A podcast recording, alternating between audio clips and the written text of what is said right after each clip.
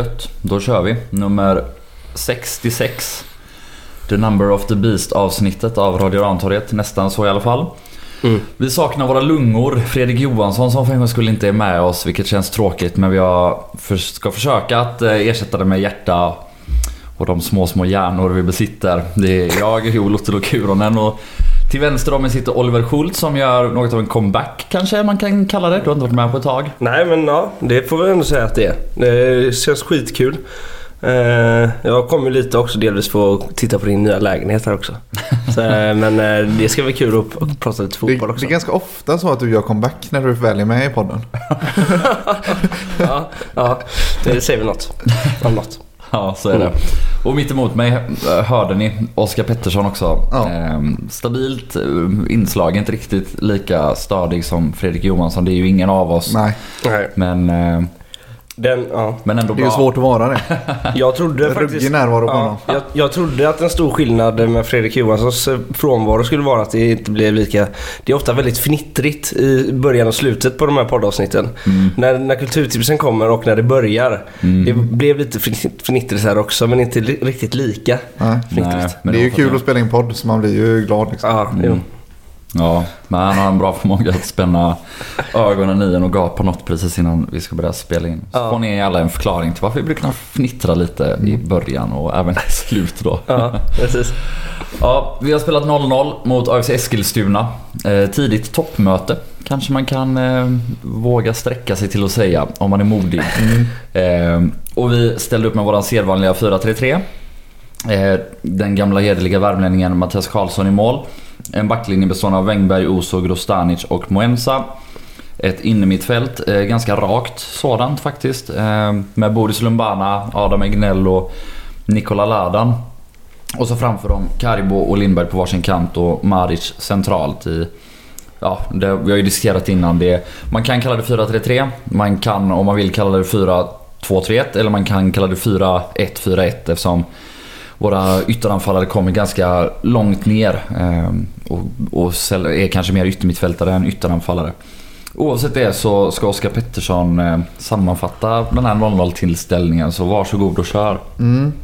Uh, det var en jämn match, vilket det, det känns som ett rättvist resultat för eh, det var en ganska kampartad match där båda lagen ändå spelar ganska bra men tack vare två bra försvar som har svårt att skapa några riktigt vassa lägen. Eh, framförallt första halvlek är riktigt välspelad från båda lagen. I andra halvlek så går framförallt Gais ner lite i kvalitet men även AFC får eh, för, förra AFC så handlar det lite mer om kamp och lite mindre om skönspel i andra halvlek. Eh, men som sagt, sett över hela matchen så är det en välspelad, välspelad match där båda lagen tar ut varandra lite grann. Eh, man är väl på båda sidor av planen bättre defensivt än man är offensivt kanske.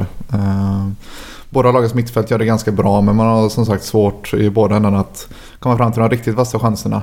Man har någon chans var som man inte riktigt lyckats få till och 0-0 är väldigt väntat sett till matchen får man ändå säga. Mm. Eh, därtill så var det en fin domarinsats får man säga med Superettan mått mätt som lät den här matchen fortsätta.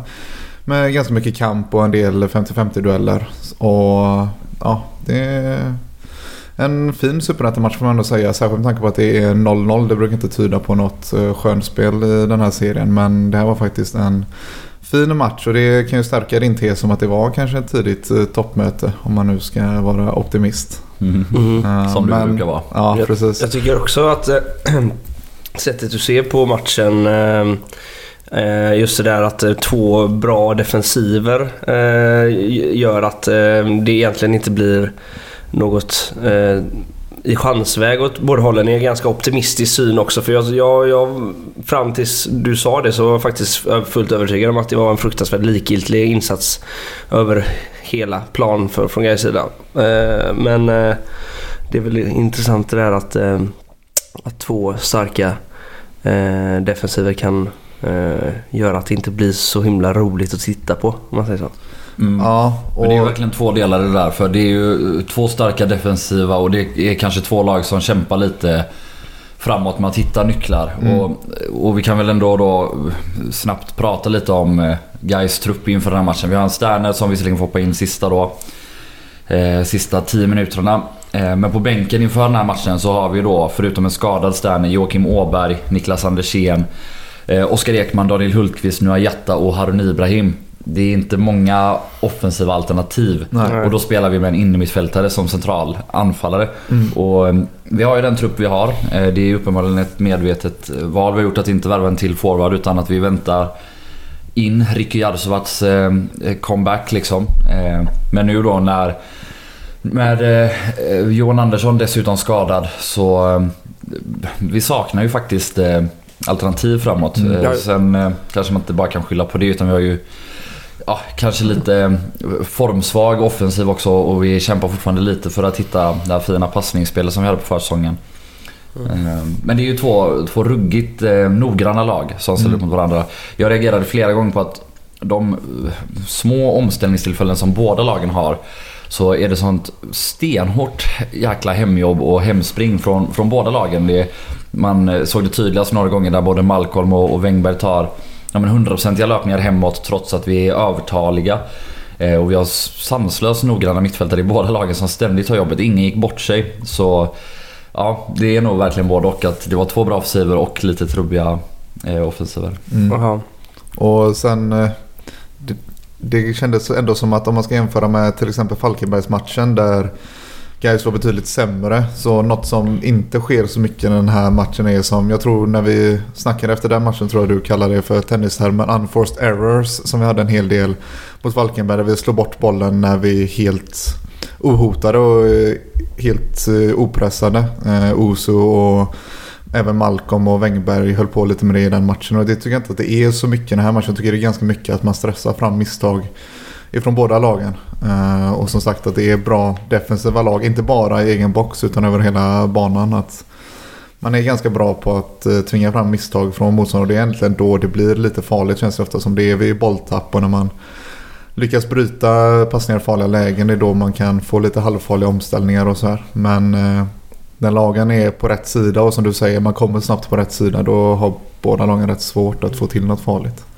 Mm. Jag tror vi pratade om, eller jag tror ni, ni pratade om det senaste avsnittet eh, mot slutet där. Men eh, ställer AFC upp med typ samma trupp som förra året eller? Nej, verkligen inte. Nej. Verkligen inte. Nej. Det är ett helt nytt lag i stora Mm. delar. Och det är ett jäkligt spännande lag om man går gubbe för gubbe. Det är, Mm. det är ganska många unga spelare som ändå har ett gäng allsvenska matcher. Och, ja, men en sån gubbe som Ashley Coffey som gjorde var det 26 mål på 28 matcher förra året i ettan. Mm. Ehm, Nej men precis, alltså jag tyckte... Jag tänkte, tänker lite på det här. eh, AFC ser liksom direkt ganska bra, eh, bra ut får man säga. Det är ett, såklart jättetidigt med ett helt nytt lag. Det är inte en... eh, Men eh, de ser, de ser balanserade ut och de ser som sagt ganska... De, de får till rätt fint spel också. Och även om det är kanske defensiven som är bäst denna matchen så är väl det också helt naturligt när man har ett så pass nytt lag att det är den, de bitarna man sätter först. Men AFC ser, de ser bra ut och det är inte bara vad säga på den här matchen utan de har ju fått en, en riktigt fin start på serien. Så eh, AFC kan nog bli farliga i år. kontinuiteten spelar mindre roll i de här klubbarna. Ja, fast det är ju så här då. Nu, jag tjatar om det här i varannat avsnitt nu känns det som. Men alltså Özcan Melke Michel är väl ett jävla unikum. Att han gör ju så här gång på gång med helt nya trupper. Det är ju som att kontinuitetsregeln eller faktorn inte finns för honom och hans lag. Det har vi sett hur många gånger som helst i både Syrianska, tidigare i AFC också. Där han liksom får det här hopp, hopplocket av spelare att prestera bra tillsammans väldigt snabbt också. Mm. Ehm, ja. Och sen, sen är det ju så, det är inte första gången ett nykomponerat lag sätter det bra i Superettan om de nu skulle göra det. Nu är det ett par omgångar in bara men det finns ju exempel på det tidigare och lag med sämre trupper som har fått det att stämma riktigt bra också. Så det, det går ju. Det är väl bara det att Gais inte har lyckats med det liksom. Och li, likadant finns det många andra lag som har misslyckats med det också. Men det är ju det är många lag som har kört på den taktiken förr liksom. Det är också... Eh, Ja, men det är också en återkommande sak att man pratar om eh, att de mindre klubbarna spelar helt utan press också. I, eh, vet inte hur mycket relevans det spelar roll i kontinuitetsbiten men... Ja. Att man får det att stämma fort kan ju eh, vara en, sån, en anledning till det. Mm. Mm. Ja, vi har i alla fall noll insläppta efter tre matcher. Eh, Mm.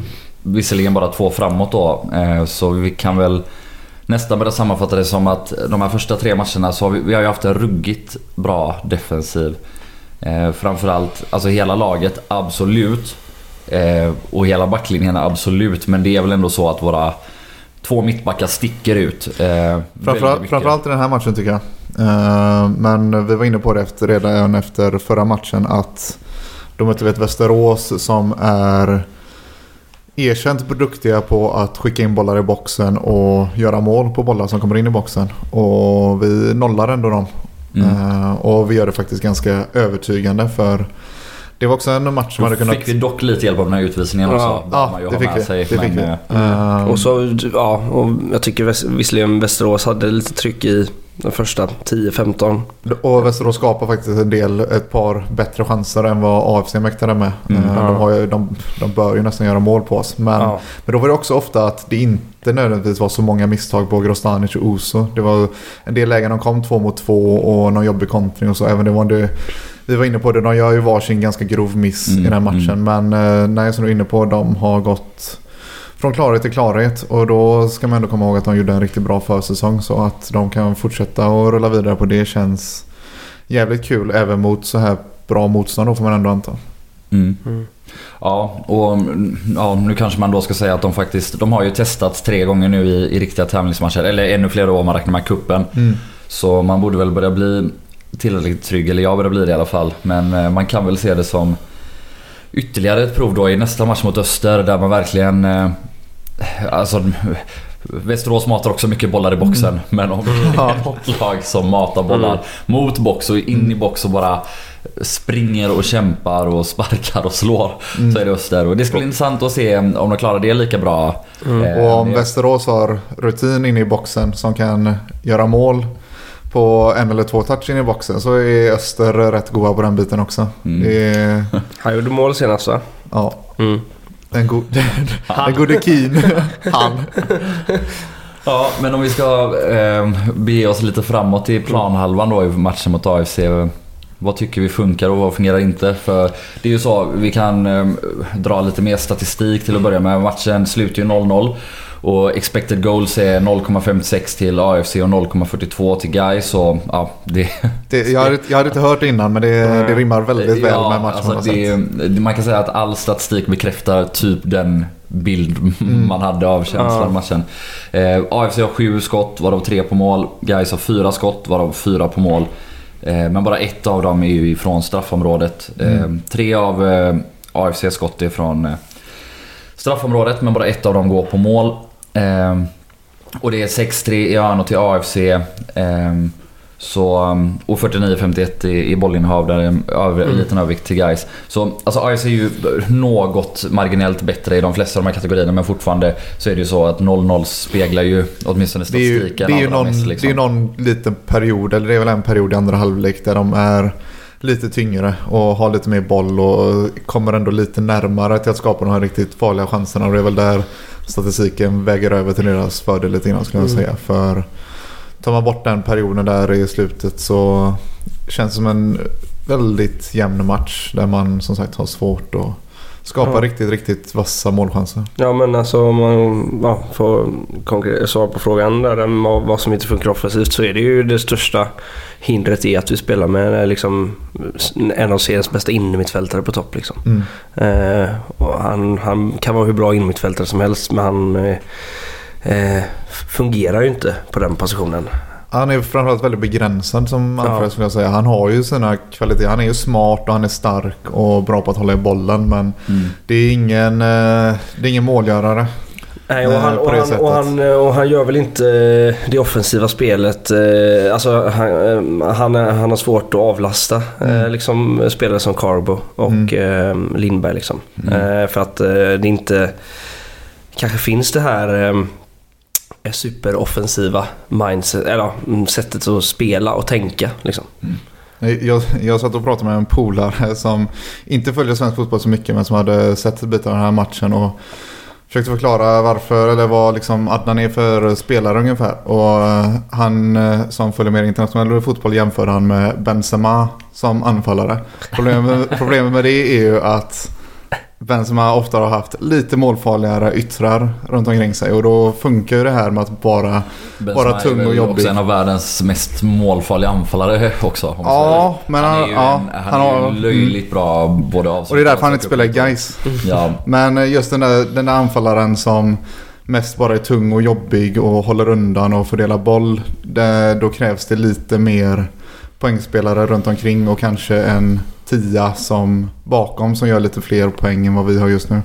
ja Mm. jag håller inte med om Benzema jämförelsen överhuvudtaget. Fan han brukar väl snitta runt 20 mål hela liga liksom. Då kan man inte säga att han bara är stor och tung och jobbig. Skit, skit i Benzema men eh, jag håller ju med om analysen om Maric. För problemet är ju att eh, Även om han är stark och en hyfsad bollmottagare, han är ju inte van vid att jobba felvänd heller. Nej. Så i ärlighetens namn är han ju inte jättebra som target heller. Han förlorar de flesta duellerna. Till och med någon mer än vad man kanske hade hoppats. Men Ja.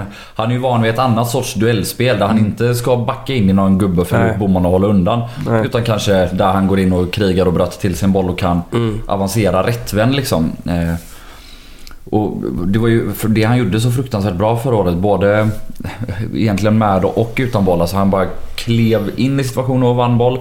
Och han klev fram med boll. Alltså dribblade väldigt mycket på innermittfältet och, och lyckades transportera boll framåt eller spela den framåt. Och ja, vi får ju inte ut nästan någonting av det nu. Nej. Och det blir lite... Det blir lite frustrerande tycker jag ibland för han kommer ner eh, och våra ytteranfallare då kliver in lite och Egnell kliver upp ibland.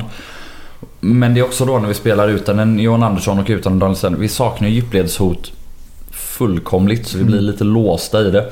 Och dessutom när han väl kommer ner, eh, ja det pratade vi också om senast. Vad, om han kommer ner och får bollen, vad, vad ska hända då? Eh, för, då är, finns det knappt någon framför längre att, att spela på. Nej, det är, ja, det är Och nu då dessutom har en hyfsat formsvag Julius Lindberg, åtminstone sista tredjedelen. Mm. Eh, så ja, det blir svårt framåt. Eh, dessutom är det väl så att eh, Egnell gör ju en bättre match nu än senast tycker jag. Mm. Men det är fortfarande en liten bit kvar. Eh, han, han kommer upp i mer och mer tempo, han tar för sig mer och mer. Han ser mer och mer trygg ut med boll. Och tappar den inte lika ofta. Men ja, Jag- han, han behöver ju också upp en nivå till innan han liksom kan bli någon som hotar framåt Mm på riktigt och, och blir liksom utslagsgivande mer än på ja, de väldigt fina hörnorna och frisparkarna han slår då. Jag tycker faktiskt att hela mittfältet gör en... Jag vet inte om eh, Ladan och Boris gör en bättre match men de är fortsatt riktigt bra för de har ju haft starka matcher eh, även nu senast mot Västerås. Men jag tycker som sagt Agnell höjer sig en nivå och då är det mittfältet riktigt bra. Eh, jag, vi skrev lite av det förut, jag och Oliver. Oliver var inne på Nikola Ladans Instagram. Ja, jag sa ju det. Och- Ladan, jag tänkte säga det. Ladan tyckte bevisligen att han gjorde en jättebra match igår. Ja. Insta. Eh, han la upp eh, klipp från matchen på Instagram. Men det är faktiskt flera sekvenser där vi spelar ur oss situationer riktigt fint i mittfältet och slår ut deras mittfält ganska effektivt. Eh, Passningstrianglarna sitter där och som du var inne på, det där raka mittfältet är ganska jobbigt att följa när Ladan och Egnell börjar byta positioner och förflytta sig. Och, Mm. och passningarna sitter där de ska. Då ser det faktiskt rätt fint ut. Mm. Så nu får man då anta att när Sterner är tillbaka så ska en av de här gubbarna ut till förmån för Adnan. Men kan vi fortsätta ha ett fint mittfältsspel och sen få in Sterner på topp så tror jag ändå att det finns Ja. nyc- nycklar i det där anfallsspelet som vi kan eh, hitta framöver. Ja, men frågan är varför... varför by, ehm, jag såg att någon lyfte frågan på Twitter förut. Men varför byter vi in Sterner med 10 minuter kvar när han typ har ont? Ja, det. Mm. Vi kan ta den frågan lite senare för jag vill Mm. bara fylla på en gång då. Om ni vill så kan ni ju plocka upp eh, telefonen som ni antagligen lyssnar på det här eh, i och kolla på Nikola Ladans eh, Instagram-klipp samtidigt. För det finns en intressant sak där. Det är att eh, det känns som att eh, vi åtminstone har lärt oss lite grann nu att när vi sätter upp de här mittfältstrianglarna på mitten och Ladan får bollen rättvänd då kommer det en gubbe och möter. För eh, nu ska man inte sitta och försvara Ladans halvtaskiga förra säsong för mycket liksom. Men en anledning till att han ofta spelar fast sig är också att han inte hade lika många alternativ som i Degerfors. Där det var samspelt och, och alla visste att få den här gubben bollen rättvänd han sätter den rakt igenom mittfältet på en touch om det alternativet finns. Och det är ju det han gör här några gånger. Eh, när vi sätter de här trianglarna, eh, vad heter de, eh, AFC kommer upp eh, i ganska bra press. Men han slår ut i princip hela mittfältet, eh, åtminstone två gånger, Mm. med en rak pass igenom. Eh, och framförallt då om man spelar med en, en mötande forward som Annan Maric och, och kan sätta den på honom och ha två kanter som stormar fram. Då kan man få väldigt bra snurr på det där. Mm. Det blev helt enkelt en... eh, Ladans Instagram blev helt enkelt en, en, en empi- empirisk studie av matchen. Ja, ja, Eller- det, det händer ju fortfarande... helt, helt neutral. Ja, exakt. Nej, men det händer ju fortfarande eh, för få gånger inom citationstecken. Det är bra att det händer nu. Mm. Men det som gjorde att Ladan var en, en av Superettans faktiskt bästa, om inte den bästa playmakern sista året i Degerfors. Det var ju att han gjorde så här hela tiden. Mm. I princip. Och kunde styra matcher och tempo på det här sättet. Och Degerfors hade ett spel som cir- cirkulerar kring det. så det var det det handlade exakt, om. exakt. Och där man hela tiden mycket. hade de här rörelse, att någon möter och en motrörelse, att någon går i djupet. Antingen med ytterforwards när de spelar fyra- eller 3-4-3 eller med sina wingbacks. Eh, Och det, det kan vi också få med lite eh, vana och lite kännedom om varandra i det här laget. Mm. Och, ja, och apropå det så tror jag att ska man hitta någon ljusglimt nu att vi har saknat Sterner så är det ju att Egnell har faktiskt fått eh, två matcher nu från start och fått spela ihop sig med i alla fall Ladan och Boris. Så när Adnan väl tar plats på den här mitten oavsett vem som får stiga åt sidan så gör det faktiskt att vi direkt får lite bättre bredd. Och eh, då har vi en mittfältare som sagt oavsett vem det är som kan komma in med pigga ben och göra skillnad sista halvtimmen. Så det hoppas vi att man kan utnyttja för eh, som sagt bredden är inte jättehög som den är just nu. Mm. Det är ju rätt många dagar eh, till nästa match dock. Mm. Eh, först på tisdag. Så förhoppningsvis är väl Sterner helt frisk och eh, John Andersson också tillbaka. Då har Ja. vi ju två Mm. bra alternativ till där framme igen. Mm. Eh, och det blir intressant att se om Sterner är tillbaka. Hur vi, att se hur vi formerar laget helt enkelt. Det börjar bli tajt om de här positionerna nu. Ja, om alla nu är hela och så. Men, Precis. eh, Ja. Men ja, den här eh, uppbollade eh, grejen om, om att byta in Daniel Sterner. Mm. För det var väl GP som skrev om det, att han hade ont och att han var hämnad. Och då blir det ju väldigt mycket så här, ska man chansa i omgång tre? Mm. När det är med 10 en- minuter kvar. Ja, och man bara har en forward i truppen som är hel. Mm. Ja. Eh, och, det särskilt, och, särskilt när man, och särskilt när man verkar ja, relativt övertygad som Jakobsson verkar vara på att Maric funkar där uppe också. Eh, Mm. då kanske, man kanske inser genom matchen gång att idag kanske inte är dagen om man säger så. Men, eh, och att man då slänger in Sterner. Men eh, alltså, sitter man ändå på den övertygelsen om att Maric kan funka där så, det, så blir det ännu märkligare att man byter in Sterner. Liksom. Sen vet inte jag, jag har nästan tolkat situationen som att det handlar om att man var oroliga, eller man hade väl eh, farhågor om hur mycket man skulle få ut utav Sterner den här matchen med tanke Mm. på att han var hämmad utav skadan. Jag tror inte man, jag tolkar inte som att man var särskilt orolig för att dra upp någonting. Eh, att det skulle Mm. förvärra skadan. Alltså så måste man ju resonera eftersom Ja. man bytte Ja. in honom. Jag antar Men att det är den medicinska bedömningen, med liksom. GP så låter det lite på Sterner som att han Mm. var rädd att dra upp den själv i alla fall. Mm. Och då, ja, jag vet inte. Det, är också, det får ju också den här ytterst märkliga effekten att vi avslutar ju matchen med Adnan Maric som vänsterforward. Alltså, Mm. Här har vi ändå en gubbe som kanske var... Han var åtminstone en av Superettans bästa defensiva innermittfältare förra året. Nu spelar vi honom på topp och vi avslutar till och med med honom som vänsterforward. Mm. Det är jävligt eh, märkligt. Samtidigt som jag förstår varför man vill ha in Sterner och rivigheten och djupledshotet. Framförallt när man har saknat det hela den här matchen. Och Eh, det var ju ganska förståeligt att man vill ha ut Lindberg också. Faktiskt. Mm. Som kanske gör sin svagaste match hittills. Eh, Som du var inne på, Mm. han är nere i en svacka nu. Men det här var väl kanske sämre än eh, i alla fall matchen mot Västerås. Mm. Ja, eh, alltså jag håller, jag håller ju med om att Lindberg är inte är i någon toppform. Men eh, då med vårt eh, nyinskaffade Y-scout-konto så kan han få en delvis upprättelse faktiskt. Mm. För det är så här att eh, han är faktiskt den som lyckas med flest dribblingar i guys. Eh, också högst procentsats dribblingar. Grejen är att nästan alla de är på egen planhalva eller på mittplan. Mm. Eh, samma, han är faktiskt, om man räknar bort nickdueller, eh, där såklart försvararna sticker ut, men om man räknar bort dem så är han den spelare på hela planen som eh, har flest eh, närkamper. Alltså fler än Boris Lumbana, eh, fler än Oso, fler än Grostanic. Och vinner flest faktiskt också. Men det är återigen, det är så att de flesta av dem, eller i princip alla de han vinner är på egen planhalva eller runt mittplan. Och nästan alla de han förlorar är i sista tredjedelen. Precis som alla hans misslyckade dribblingar är i sista tredjedelen. Så en liten upprättelse får vi ändå ge till Lindberg att han gör fortfarande väldigt mycket rätt, väldigt mycket bra och jobbar hårt. Eh, men, men ja, han saknar ju definitivt eh, Ja, den spetskvaliteten som, som vi liksom förväntar Ja. oss från honom. Eh, framförallt då ja, men ett gäng poäng. Nu har han gjort en assist visserligen eh, redan då också men men ja, det, han känns inte så farlig framåt i och runt motståndarnas straffområde och det är ju det framförallt man vill ha ut av honom. Ja, han är ju bevisligen eh, ja, eh, bra eh, i den här statistiken men det är ju inte inom hans verksamhetsområde om man säger så. Lite så, Ja. lite så. Exakt. En ytterforward ska helst vara som bäst i sista tredjedelen. Ja. så är det. Vem tyckte ni var bäst i guys? Eh, Boris Lumbana kanske? Jag får nog välja en av mittbackarna. Eh, Jag säger nog Oso. Mm.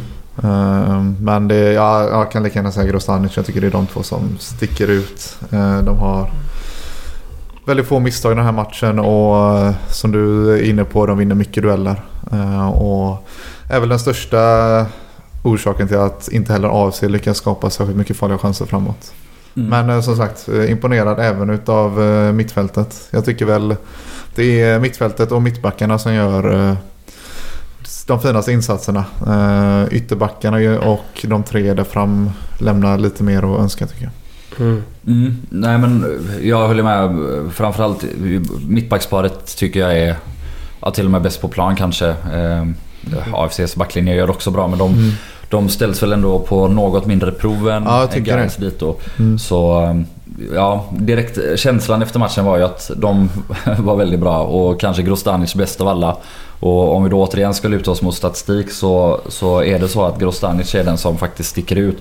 Så jag tänkte i en sån här liten fin sammanfattning bara tala om hans match. Eh, och då är det så att av hans 88 aktioner, alltså skott, passningar, inlägg, dribblingar, dueller och eh, bollförluster. Eh, så eh, lyckas han med 78 av 88, alltså 89% vilket är högst av samtliga spelare i båda lagen. Eh, av sina 74 passningar så slår han 70 rätt. Mm. Eh, alltså 95% eh, och han vinner 7 av 10 dueller.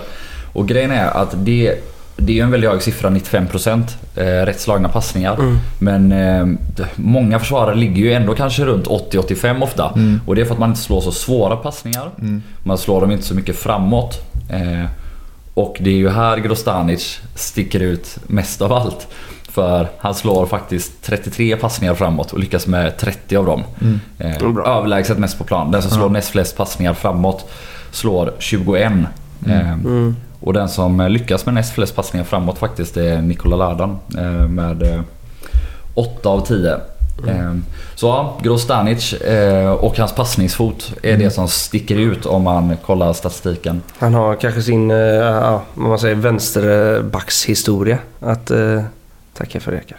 Det, ja, det, märks, det märks verkligen att Ja. det är två bollsäkra eh, mittbackar. Vi har varit Mm. inne på det tidigare också. Men det är, även när, eh, mot lag som pressar, för jag har varit med om en, flera gånger nu under säsongen att eh, folk ställer sig ganska högt och pressar både ytterbackar, mittbackar och målvakt. Och Osu och Grostanic, i synnerhet när de får hjälp av ett eh, bollsäkert mittfält, är riktigt säkra med bollen. Mm. Och eh, de där misstagen som vi oroade oss en del ändå under försäsongen. Eh, under några av träningsmatcherna. De har varit betydligt färre nu de här tre matcherna. Verkligen. Och det är också, där, båda är ju bollsäkra och båda är lite på varsitt sätt. Grostanic kan när som helst slå ut en god press med en bra passning. Och Oso kan slå ut den genom att bara kliva rakt fram och i princip springa förbi en lagdel. Så ja, de, eh, Jag trodde faktiskt att jag skulle sakna det lite eh, från Charlie Weber förra säsongen. Inte bara den vassa vänsterfoten.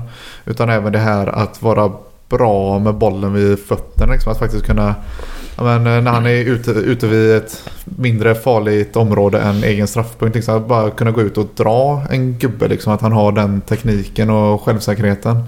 Och, men eh, Oso och Grostanic, alltså, de, är, de är klockrena. Jag tycker för övrigt också att det är eh, ett sånt himla uppbyte i stil Eh, på Gais eh, mittback alltså. Att, om man, du, du pratade om Charlie Weber förut. Mm. Alltså, det är den ostiligaste mittbacken jag sett i Gais på tio år kanske. Mm. Eller, eller något. Men eh, det är sånt himla uppbyte i, eh, i eh, kroppstyp och attityd. Och Exakt, karaktär. exakt. Mm. Jag var ju ändå lite, jag satt ju här inför säsongen och sa att ah, det är ändå ett litet nedköp med Grostanic. Att, Mm. eh, lite sämre passningsfot, eh, lite sämre försvarsspelare än Charlie Weber. Men fortsätter det så här då är det ett jävla uppbyte. Ja. Alltså kanske att han även är åtminstone jämngod fotbollsmässigt. Men framförallt man har inte den här nonchalanta, dryga attityden och, och alltså Weber hade ju den här förmågan att då och då chippa in bollen i mitten Ja. till någon. Mm. Eh, Alltså de, de misstagen som man bara... Mm. Det, det är en sak att göra ett misstag, att slå en helt horribel felpass. Men när man gång på gång istället för att bara rensa bort bolljäveln när det är läge att göra det, chippar in den i mitten. Mm. Då är det ju nå- något annat. Eller att han inte vill göra det Ja. liksom. Mm. Eh, Så ja, Och sen är ju Grostanic är ju Grostanic också. Han är ju urgeisare liksom. mm, Det är ju... det var en gubbe. Precis. Så det är, det är gött och ja, de fortsätter som sagt vara starka i duellerna och sådär. Så det är väl absolut de som sticker ut från den här matchen. Mm. Ska vi snacka om han med pipan och korten också eller? Ja, vi sa att han var bra. Ja, Patrik det- Eriksson. Ja, för vi satt här innan och sa att uh, han är helt förträngt domaren. Och det är ett gott tecken i Superettan att man inte kommer ihåg vem, vem som har dömt och inte kommer ihåg några situationer. För Mm. jag kan inte minnas att jag blev lack på honom en enda gång. Nej, alltså jag blev till och med glad många gånger. För Han gav ju inte de här lätta frisparkarna åt något håll. Mm. Eh, och nu, nu ja, jag vet inte hur neutral jag är när jag säger åt inget håll. Men eh, det var ändå ett, ett gäng frispark som har varit lätt att ge åt båda lagen som han inte gav. Och det, är- det är härligt när domaren låter matchen flyta på istället eh, för att börja ge de här. För då tvingas man ju in i situationer där man måste fortsätta göra det. För, Så ja, beröm till domaren. Ja, vi satt ju ute och kollade matchen och eh, matchen innan var ju Akropolis mot Landskrona. Landskrona. Och det var ju den gode Daradic som var inne och viftade igen där. Ja, Vad var det de kallade den? Eh, det var möte, gyll- Gyllene gryningens möte. det? Nynazisterna och, och grekerna. Gyllene gryning är väl förbjudet i Grekland nu eller? Ja, det kan vara... eh, Det, man kan väl... Ja. Vilka var de för övrigt? Det var, det var kommentatorn eller? Nej, det var, jag tror det var... Jag tror det, jag tror det var Det hade jag gillat ändå. Pe- Peter var det väl som sa det tror jag. Ja, det kan jag tänka mig. Ja, Och Daradic i mitten. ja just Ja. det. Ja, nej men om vi sammanfattar våra tankar lite om AFC så skönt att vi fortsätter hålla nollan. Eh, Ja. Bra jobb i defensiven. Eh, det behövs... Eh, det behöver bli bättre i offensiven. Både för att, som jag ser det, att vi inte kommer göra några mål om det inte blir bättre. Men alltså också nu när vi har vunnit med 1-0 och vi får ju slita hårt för segrarna som Stefan Jakobsson sa någonstans också. Och det kanske man inte orkar göra i 30 omgångar. Man, eh, det ska mycket till för att man ska orka gneta sig till 1-0 som man knappt förtjänar en hel omgång. Så vi måste ju få till Ja. vårt eget spel bättre framåt Precis. på sikt. Eh, Sen får vi förhoppningsvis lite folk tillbaka också. Mm. Vilket Ja. gör att det kan bli lite bättre. Vi hade Åberg som fick komma in nu igen och såg okej ut, eller bra ut på den lilla tid han fick. Han satte fart på bollen och, och löpte framåt. Eh, Ja, för vi har varit inne på att eh, offensiven, eh, den bristande offensiven till viss del handlar om en eh, tunn bredd Mm. vad gäller en tillfällig tunn bredd vad gäller anfallarna då. Men eh, sen så kan vi säga liksom, vi har ju mött, vi har ju ändå Får man ska säga, man säger, vi har ju städat av lag. Eh, alltså tre hyfsat bra lag liksom. Eh, men sen så tycker jag också... tre det- lag som definitivt bör hamna på övre halvan. Ja men precis. Sen tycker jag också eh, med det sagt att eh, jag har lite svårt att eh, bedöma den här superettan. Alltså superettan är naturligt oklar. Men eh, jag tycker att det känns svårt att urskilja vilka också så, ut, eh, som är bra och dåliga liksom. Alltså det, det säger man ju varje år men i nuläget känns det som att Helsingborg har börjat bra men Sundsvall som har det andra klara topptippade laget inte börjat supervasst i alla fall resultatmässigt. Mm. Falkenberg som vi då har mött inte heller imponerat jättemycket än så länge. Nej. Eh, AFC då däremot eh, ser betydligt bättre ut än man trodde på förhand. Mm. Men det känns ju absolut som att det är lag där man kommer vara nöjd med sju poäng på de här matcherna Ja, ja. när Ja, serien är precis. färdigspelad. Alltså dels, eh, man ska kanske alltid vara nöjd med sju poäng på tre matcher. Ja, man än möter. så är det. lite. Men, eh, men ä- och även om det, det är svårt att veta de här lagen vi om de kommer komma topp fyra eller topp åtta. Mm. Men eh, de bör komma topp åtta. De bör det, verkligen. Alla Utifrån tre. vilka trupper de har Mm. och så vidare. Men om vi då lägger AFC till handlingarna och traskar över till matchen mot Östers IF som ju då slog eh, Falkenberg just senast. Mm. Dock då Falkenberg som inte har sett lika bra ut. Det här var en riktig sluggermatch. Eh, chanser åt båda håll. Eh, Falkenberg gjorde till slut 1-0 och, och Öster vände. Eh, kvitterade snabbt och gjorde sen 2-1 och, och det var ytterligare lite chanser åt båda håll. Eh, ändå rättvis seger så som jag bedömde det. Men vad har vi att säga om Öster? Ja, visst. Vi... Det är väl seriens eh, andra rövargäng lite. Vi brukar snacka skit om Norrby. Mm. Men Öster är väl kanske... Särskilt Joel brukar väl snacka skit om Öster. Ja, Haha, framförallt förra gjorde du ja. Jag trodde ju aldrig att. Jo, Joel och påsen. Ja. Så, Nej, de men- är så jävla dåliga. Hur kan, hur kan de ha så många poäng liksom? Ja, Ja. jo men vi har ju Det var ju faktiskt den- gjort avkall och avbön från den rätt många gånger nu. Men jag kan göra det en gång till. Jag, nej men eh, de är ju ett eh, fruktansvärt rakt och hårt 4-4-2-lag Mm. som sparkar och springer. det Eh, påminner en del om Halmstad förra året fast inte lika bra. Ja exakt, och, eh, ja, exakt så. Väldigt, väldigt mycket så. Klassiskt svenskt, alla jobbar hårt för varandra. Och sen har de, de har ju spelare som liksom är anpassade efter det här. De har lojala gubbar som löper, tacklar och de har ju knappt, knappt en gubbe som kan göra en överstegsfint känns det som. Alltså här, självklart kan alla de här gubbarna göra det men det, är- Ja. det är Jesper Brandt-typer hela Ja. högen liksom. Ja. Ja, det, de spelar, ja, det är 11 Jesper Brandt liksom. Och så bara... Lite så. Ja. Och framförallt, de har ju en centrallinje som verkligen är hårt jobbande och stenhård och så lite kortare och snabbare spelare på kanterna. Så Känns som det är ganska god medelålder va? ja, det är det väl. Eh, Men ja, ändå hyfsat välbalanserat. God. 30 Ganska plus. gammal. Ja, Ja, jo, men så är det. Alltså, Ja. Startelvan är ju det är mest rutinerade herrar. Mm. Eh, Mm. Senast så startade de och de har startat eh, likadant i alla matcher förutom högerbacken tror jag att de har bytt ut någon gång. Men det är ju våran gamla vän Damir Mehic i mål. Eh, Det är Varmanen till höger, en ung finne va, som är ny inför året.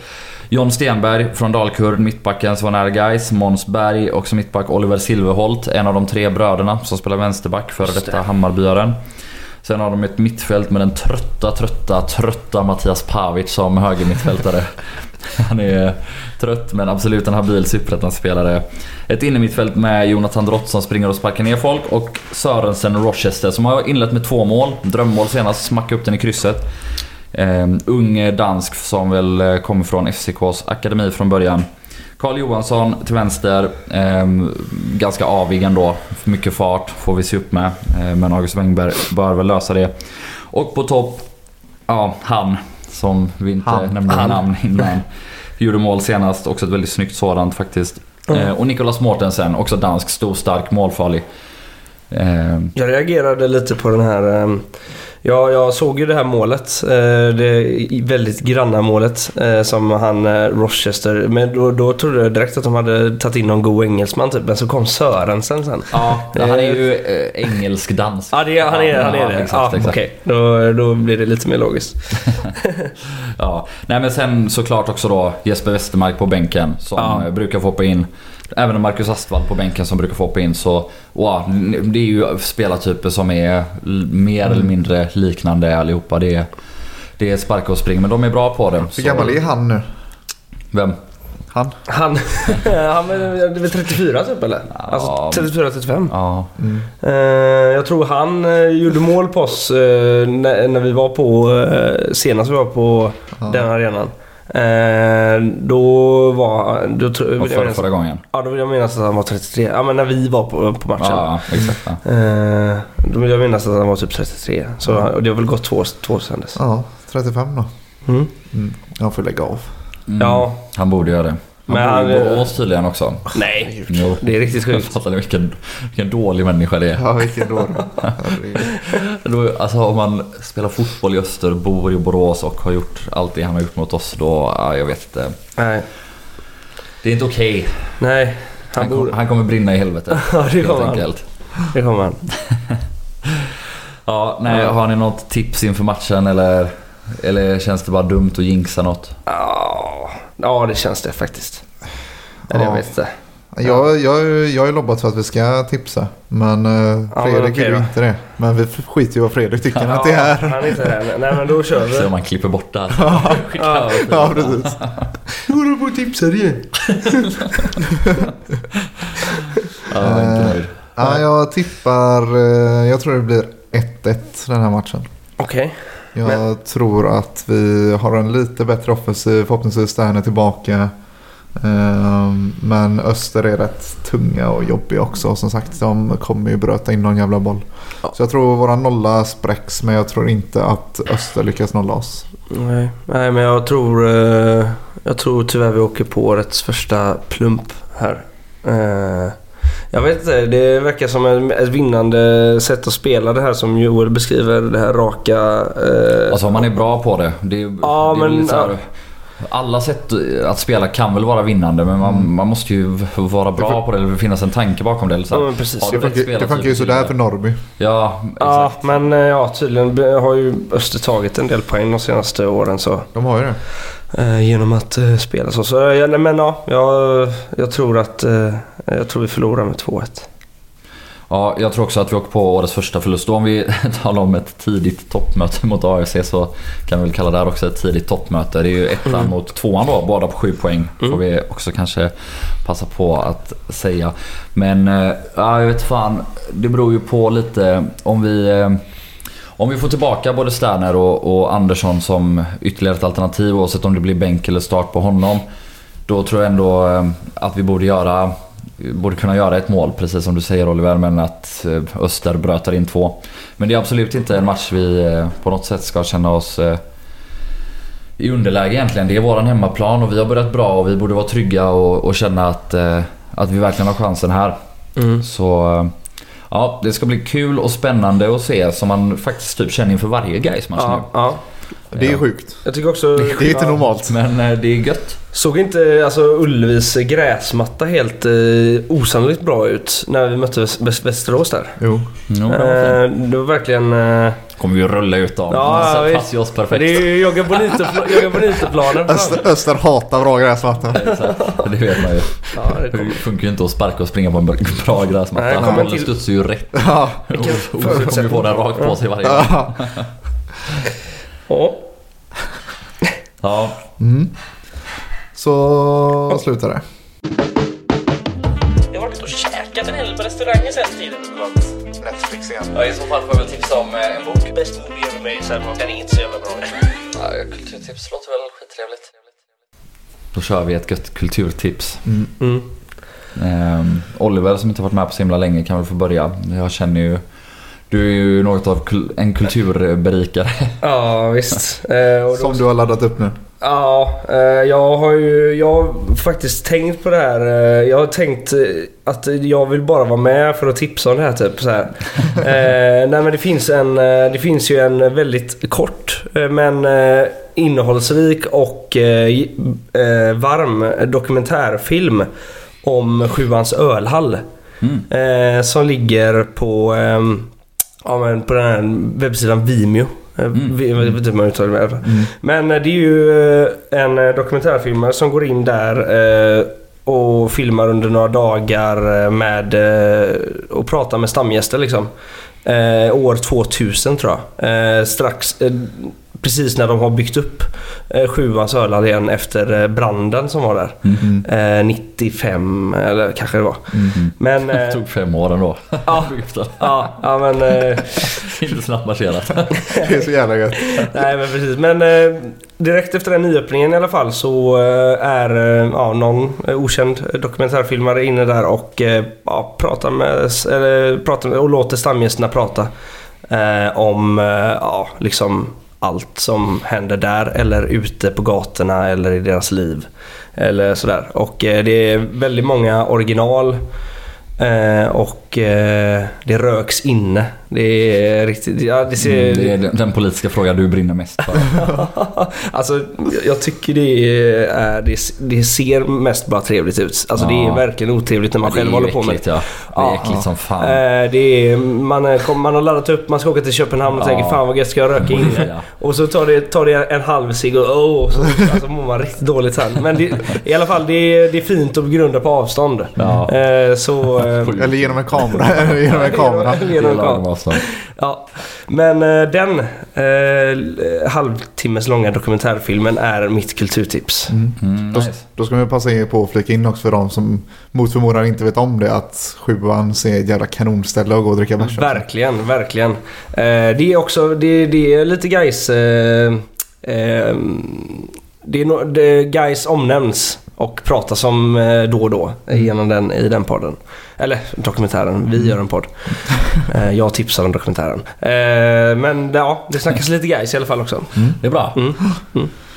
Ja, jag fortsätter på mina radiodokumentärer. Men den här gången så kör vi en lite mer relevant dokumentär får man säga.